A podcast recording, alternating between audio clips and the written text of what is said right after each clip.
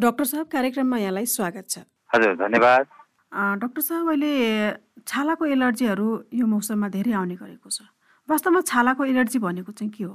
ए छालाको एलर्जी भन्नाले छालालाई बाहिरी वातावरणदेखि र भित्रको हाम्रो शरीरको तत्त्वहरूबाट कुनै कुराहरू चाहिँ आफूलाई चाहिँ कम्फोर्टेबल भएन अथवा चाहिँ उसको हाम्रो छालालाई चाहिँ त्यसको त्यस त्यसबाट चाहिँ कन् कन्ट्रोलमा छैन भनेपछि उसले आफ्नो चाहिँ एउटा चाहिँ रियाक्सन देखाउँछ त्यसको विरुद्धमा कि अब यो कुराले चाहिँ मेरो शरीरको लागि चाहिँ मेरो छालाको लागि चाहिँ ठिक छैन है भनेर त्यसको विरुद्धमा देखाउने चाहिँ एक किसिमको चाहिँ एउटा रियाक्सन हो जुन चाहिँ अहिले विन्टर सिजनमा चाहिँ बढी देखिन्छ। अहिलेको मौसममा कस्तो खालको एलर्जीहरू आउने गर्दछ? ए अहिलेको मौसममा एउटा त चिसोको पनि हो चिसोको एलर्जी सबभन्दा बढी बढिरहेछ। त्यस्तै गरेर चाहिँ अब अहिले चाहिँ जुन अहिले हाम्रो पहिलादेखि नै काम जसले गरिराख्नु भएको छ कामको आफ्नो जस्तै अब भनौँ न यो इटा भट्टामा काम गर्ने हुन्छ माटोमा काम गर्ने भन्ने हुन्छ अर्को फ्याक्ट्रीहरूमा काम गर्ने हुन्छ उहाँहरूको त आफ्नो एलर्जी छँदैछ। प्लस अहिले जुन अब यो शीतले गर्दाखेरि अथवा चाहिँ यो हिउँहरू पर्न सुरु गरिरहेको छ त्यसको एलर्जी आफ्नो छ। अहिले फुलहरू फुल्न पनि गरिरहेको छ त्यसले गर्दाखेरि एलर्जी भइरहेछ। त्यस्तै गरेर चाहिँ अब यो यतातिर आएर औषधिहरू पनि छ। औषधिहरू खाएर पनि एलर्जीहरू हुने आफ्नो ठाउँमा छँदैछ। तर जाडोमा चाहिँ बढ्ने जुन रोगहरू छ त्यस त्यो रोगहरू पनि एकदम बढेर हेर्दाखेरि चाहिँ एलर्जी हो कि भनेर झुकेर पनि मान्छेहरू एलर्जी हो कि भनेर चाहिँ यो पनि बढेको छ। र खास गरी भन्ने हो भनेपछि यो खानपान वातावरण यो क्लाइमेट चेन्ज जुन भइरहेछ र त्यसपछि मान्छेले चाहिँ जथाभावी कुनै क्रिमहरू लगाउनु भएको छ त्यसको त्यसको त्यसले पनि गर्दाखेरि चाहिँ एलर्जीहरू चाहिँ अहिले विन्टर सिजनमा सबभन्दा बढी भएको छ। अहिले चिसोको मौसममा छाला सुन्निने टिलाउने जस्तो खालको एलर्जी पनि हुन्छ। यो चाहिँ के कारणले हुने गर्छ? हो चिसोमा पनि जुन हुने छाला एलर्जी छ त्यसलाई हामी चाहिँ यो एउटा किसिमको एक्वाइटिक अर्टिकेरिया भन्छौँ जुन चाहिँ हेर्दाखेरि तपाईँको अलिकति सुनिरहन्छ चौबिस घन्टामा आफै बिस्तारै कम हुँदै जान्छ। यो चाहिँ हाम्रो चाहिँ यो चिसोले गर्दाखेरि अथवा चाहिँ यो यो ह्युमिडिटीहरू चाहिँ चेन्ज भएर हाम्रो शरीरले चाहिँ त्यसको विरुद्धमा चाहिँ रियाक्सनहरू देखाएपछि चिलाउने डाबर आउने जहाँ कोतर्यो भने त्यही ठाउँमा धर्साहरू देखिने दागहरू देखिने भएको हुन्छ। त्यो चाहिँ हाम्रो चाहिँ यो चिसोको एलर्जी भयो। तर चिसोको एलर्जी भन्दैमा कहिलेकाहीँ हामी चिसोले पानी नहुने मात्र होइन कि चिसो चिज खाँदाखेरि पनि आइदिन्छ एलर्जी। अथवा चाहिँ हाम्रो चाहिँ यो चिसो लुगाहरू लगायो भिजेर आए पनि हुन्छ एलर्जी र त्यस्तै गरेर त शीत परेको छ। अब पानी परेको छ तर शीतमा गइरहेको छ वकहरू जाँदाखेरि पनि एक्कासी गरेर आए पनि तपाईँको चाहिँ त्यसपछि चाहिँ शरीर अलिक सुन्निने चिलाउने डाबरहरू आउने र कहिले ओठमुखहरू पनि सुन्निने सास फेर्न गाह्रो हुने यो चाहिँ एलर्जीका यो विन्टरमा हुने प्रमुख एलर्जी नै यही हो अहिलेको। जस्तै एलर्जी विभिन्न किसिमका हुन्छन् भन्नुभयो। यो अनुहार सुन्निने चिलाउने यस्तो केही कारणको केही रोगको कारणले भएको हो या एलर्जी नै हो भनेर कसरी थाहा पाउने? लक्षणहरू कस्ता कस्ता देखिन्छन्? ए अब कुनै व्यक्तिहरू चाहिँ नयाँ खानेकुरा खानु भएको छ उहाँलाई एक्कासी एलर्जी आयो तर पहिला चाहिँ अरू कुनै पनि समस्या थिएन भनेपछि उहाँलाई एउटा शङ्कास्पद हिसाबले खानपिनको एलर्जी भयो।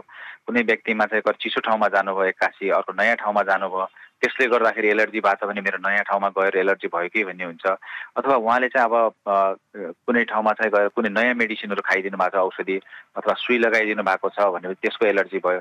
यो यो आफूलाई आएको चौबिस घन्टा अडचालिस घन्टाभित्र कुनै नयाँ चाहिँ यो डाबर आउने चिलाउने अथवा सुन्निने जुन छ समस्या छ यदि यो चाहिँ अरू रोगहरू चाहिँ छैन टेस्टहरूमा केही पनि देखिया छैन तर चाहिँ उहाँको चाहिँ पत्ता लगाउन सकिएन तर उहाँको चाहिँ हिस्ट्री सोद्धाखेरि मैले दुई दिन अगाडि यहाँ गएको थिएँ अथवा यस्तो कुरा खाएको थिएँ यस्तो लुगा लगाएको थिएँ यस्तो सुई लगाएको थिएँ यस्तो नयाँ औषधि प्रयोग गरेका थिएँ अथवा चाहिँ उहाँको चाहिँ भनौँ न केही किराहरूले टोकेको अथवा उहाँको चाहिँ कुनै एउटा नयाँ नयाँ कुराबाट चाहिँ कुनै इन्काउन्टर भएको छ भनेपछि त्यसमा चाहिँ शङ्कास्पद गर्न मिल्छ कि ओहो एलर्जी हो कि भनेर चाहिँ भन्न पाइयो। किनभने यसमा चाहिँ हामीले चाहिँ सोद्धाखेरि बिरामीलाई उहाँले म दुई दिन अगाडि ठिक थिएँ तिन दिन अगाडि ठिक थिएँ त्यसपछि एक्कासी म चाहिँ कुनै जङ्गलमा गएँ केही घाँसहरू काट्न गएँ अथवा मैले यो कुरा नयाँ खानेकुराहरू खाएँ जुन मैले अहिलेसम्म खाएको थिएन भन्नुहुन्छ। अथवा पहिला चाहिँ उहाँहरूले चाहिँ कुनै कुराहरू चाहिँ खाइराख्नु भएको थियो अलिअलि एलर्जी हुन्छ तर एक्कासी उहाँलाई चाहिँ बढी भएको चाहिँ त्यो चाहिँ डोज बढ्दा बढ्दा बढ्दा कुनै व्यस्त पोइन्टमा आउनसक्छ त्यसले गर्दा त्यही कुराले पनि एलर्जी देखाइदिन्छ। जुन चाहिँ हामीले पत्ता लगाउनको लागि उहाँको मेन कुरा उहाँको हिस्ट्री नै सोध्नुपर्छ। के कसरी सुरुवात भयो कसरी बढ्यो के के खानु भएको थियो? विस्तृत कुराहरू चाहिँ सोधेपछि चाहिँ हामीले चाहिँ शङ्का गर्नुपर्छ कि ए तपाईँलाई अरू रोग चाहिँ केही पनि देखिया छैन तर चाहिँ हुन सक्ने चाहिँ यो सम्भावना छ है भनेर जाने हामी एलर्जीमा जाने हो। जस्तै यस्ता विभिन्न खालका कारणहरू देखियो कुनै समस्याहरू देखियो भने यसको उपचार गर्नुपर्छ या यो आफै बिस्तारै ठिक भएर जान्छ? साधारणत एलर्जी त हाम्रो शरीरलाई एक किसिमको जुन जति पनि हामी एक्सपोजरसम्म गइरहेका हुन्छौँ जति पनि हाम्रो शरीरमा चाहिँ यो भनौँ न बाहिरी तत्त्वहरूले चाहिँ हाम्रो शरीरलाई शरीरले मेमोरी सेलमा बनाइराखेका हुन्छ। अनि यो चाहिँ हामी जन्मिँदाखेरि आमाको गर्भमा हुँदाखेरिसम्म खासै केही थाहा हुन्न। जब बाहिरको वातावरणमा आउँछौँ बिस्तारै बिस्तारै विभिन्न तत्त्व हाम्रो छालामा सास फेर्दाखेरि खानेकुराबाट हुँदै हुँदै शरीरमा चाहिँ जान्छ। तर त्यसले मेमोरी सेल बनाउँछ। कति कुराहरूलाई चाहिँ त्यसलाई चाहिँ आफैमा नर्मलाइज हुँदै जान्छ। हामीलाई बानी पर्छ। केही हुँदैन। हामी टोलरेट गर्न सक्छौँ। तर कहिलेकाहीँ के हुन्छ भन्नाले हाम्रो शरीरले पनि टोलरेट गर्न सक्दैन। त्यो मेमोरी सेलमा गएर बसिया हुन्छ। दोस्रो पटक त्यही कुरामा चाहिँ हिट भयो भने हामीलाई फेरि एलर्जी बढ्न सक्ने हुन्छ। भनेपछि अब एलर्जीमा हामीले चाहिँ यो कसरी यो समाधान हुन्छ भन्दाखेरि साधारण एलर्जी आफै ठिक हुन्छ।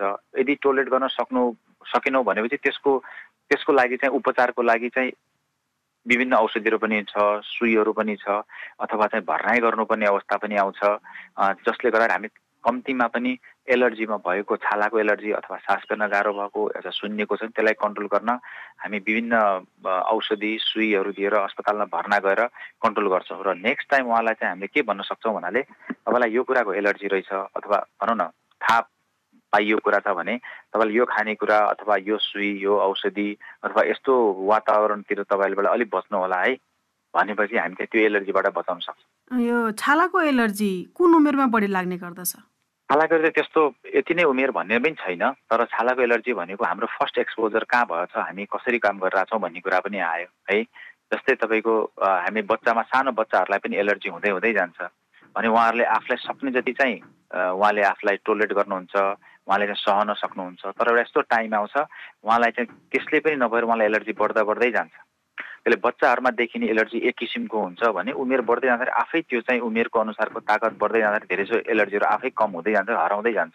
तर नयाँ कुनै एलर्जी आएको छ नयाँ औषधिको अथवा चाहिँ कुनै तत्त्वहरूको आधार थाहा पाउँदै जाँदाखेरि चाहिँ त्यो चाहिँ इन्डिभिजुअलमा भर पर्छ व्यक्तिमा भर पर्छ कि सबैलाई जस्तै कोही व्यक्तिलाई एउटा एलर्जी छ भने त्यही पदार्थ अर्को व्यक्तिले छोयो भने अर्कोलाई नहुन सक्छ। त्यसैले हामी यो भन्न अरूलाई सबैलाई सामान्यकरण गर्न सक्दैनौँ कि यो एलर्जी चाहिँ सबैलाई हुन्छ भन्ने कुरो सामान्यकरण गर्न सक्दैनौँ। तर कुनै कुनै कुरा यस्तो पनि हुन्छ जुन चाहिँ सबैलाई एलर्जी गरिदिन सक्छ। होइन? त्यसैले चाहिँ हाम्रो यो दुईवटा कुरामा के छुट्याउनु पर्ने हुन्छ कि भन्नाले सबैलाई एलर्जी एक किसिमको हुन्छ तर चाहिँ सबैलाई एलर्जी चाहिँ सबैलाई नगर्ने किसिमको पनि हुनसक्छ। है? तर त्यो चाहिँ इन्डिभिजुअलमा भर पर्छ।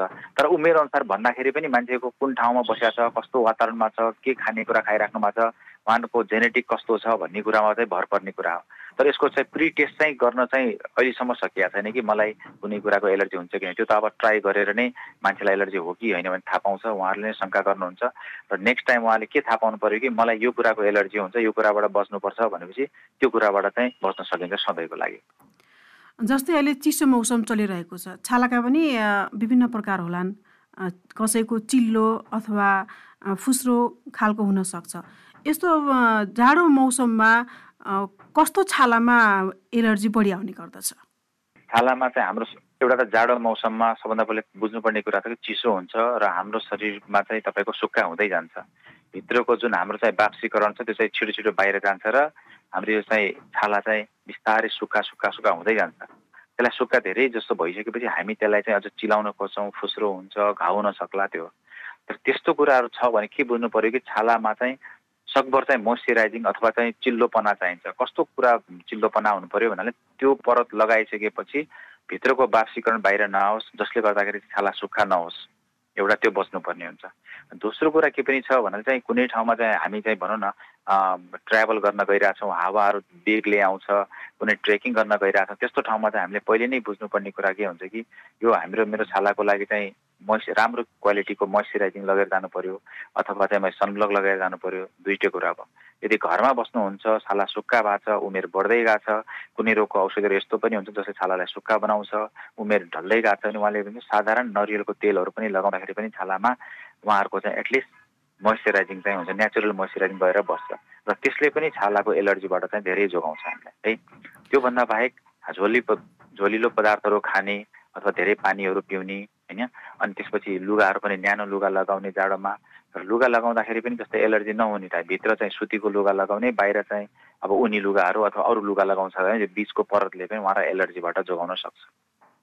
र अर्को कुरा चाहिँ जाडोमा चाहिँ हाम्रो हुने कुरा भनेको हामीले बुझ्नुपर्ने कुरा मैले चाहिँ अब जाडोको लागि चाहिँ सही समयमा खानपिनहरू खाएको छ कि छैन धुम्रपान मद्यपानहरू नगर्ने अब यो धेरै सो यो चाहिँ मद्यपानहरू चाहिँ गर्दाखेरि चाहिँ ड्रिङ्क्सहरू धेरै लिँदाखेरि पनि हाम्रो शरीर चाहिँ धेरै सुक्खापन पनि बढ्छ हामीहरूको शरीरमा चाहिँ धेरै यो भनौँ बाक्सीकरणले बाहिर छाला अझ सुक्खा हुन्छ। त्यस्तो बेला पनि हामी बच्यो भने पनि यो हाम्रो यो छालाको एलर्जीहरूबाट बचाउन सक्छौँ जाडोमा।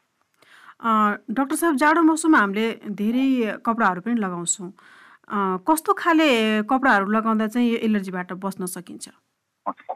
अब हाम्रो शरीरलाई सुक हाम्रो शरीरलाई चाहिने कपडा भनेको एउटा त एकदमै सुकेको हुनु पर्यो। तिनो हुनु भएन भिजेको हुनु भएन। अर्को कुरा के पनि छ कि कपडाहरू पनि तपाईँको धोएको छौ भनेपछि राम्रोसँग त्यसमा साबुन सरफहरू गएको हुनु पर्यो दुई र एकदम पारिलो घाममा चाहिँ सुकेको हुनु पर्यो आइरन लगाएको पनि झनै राम्रो। र सुतीको लुगा भयो भने झनै राम्रो भित्री पर सुतीको लुगा लगाउने जुन हाम्रो छालाबाट छालालाई एउटा बेरियर बनाउँछ त्यसको माथिबाट अब हामीले चाहिँ अरू लुगाहरू चाहिँ न्यानो लगाउँदै जान्छौँ।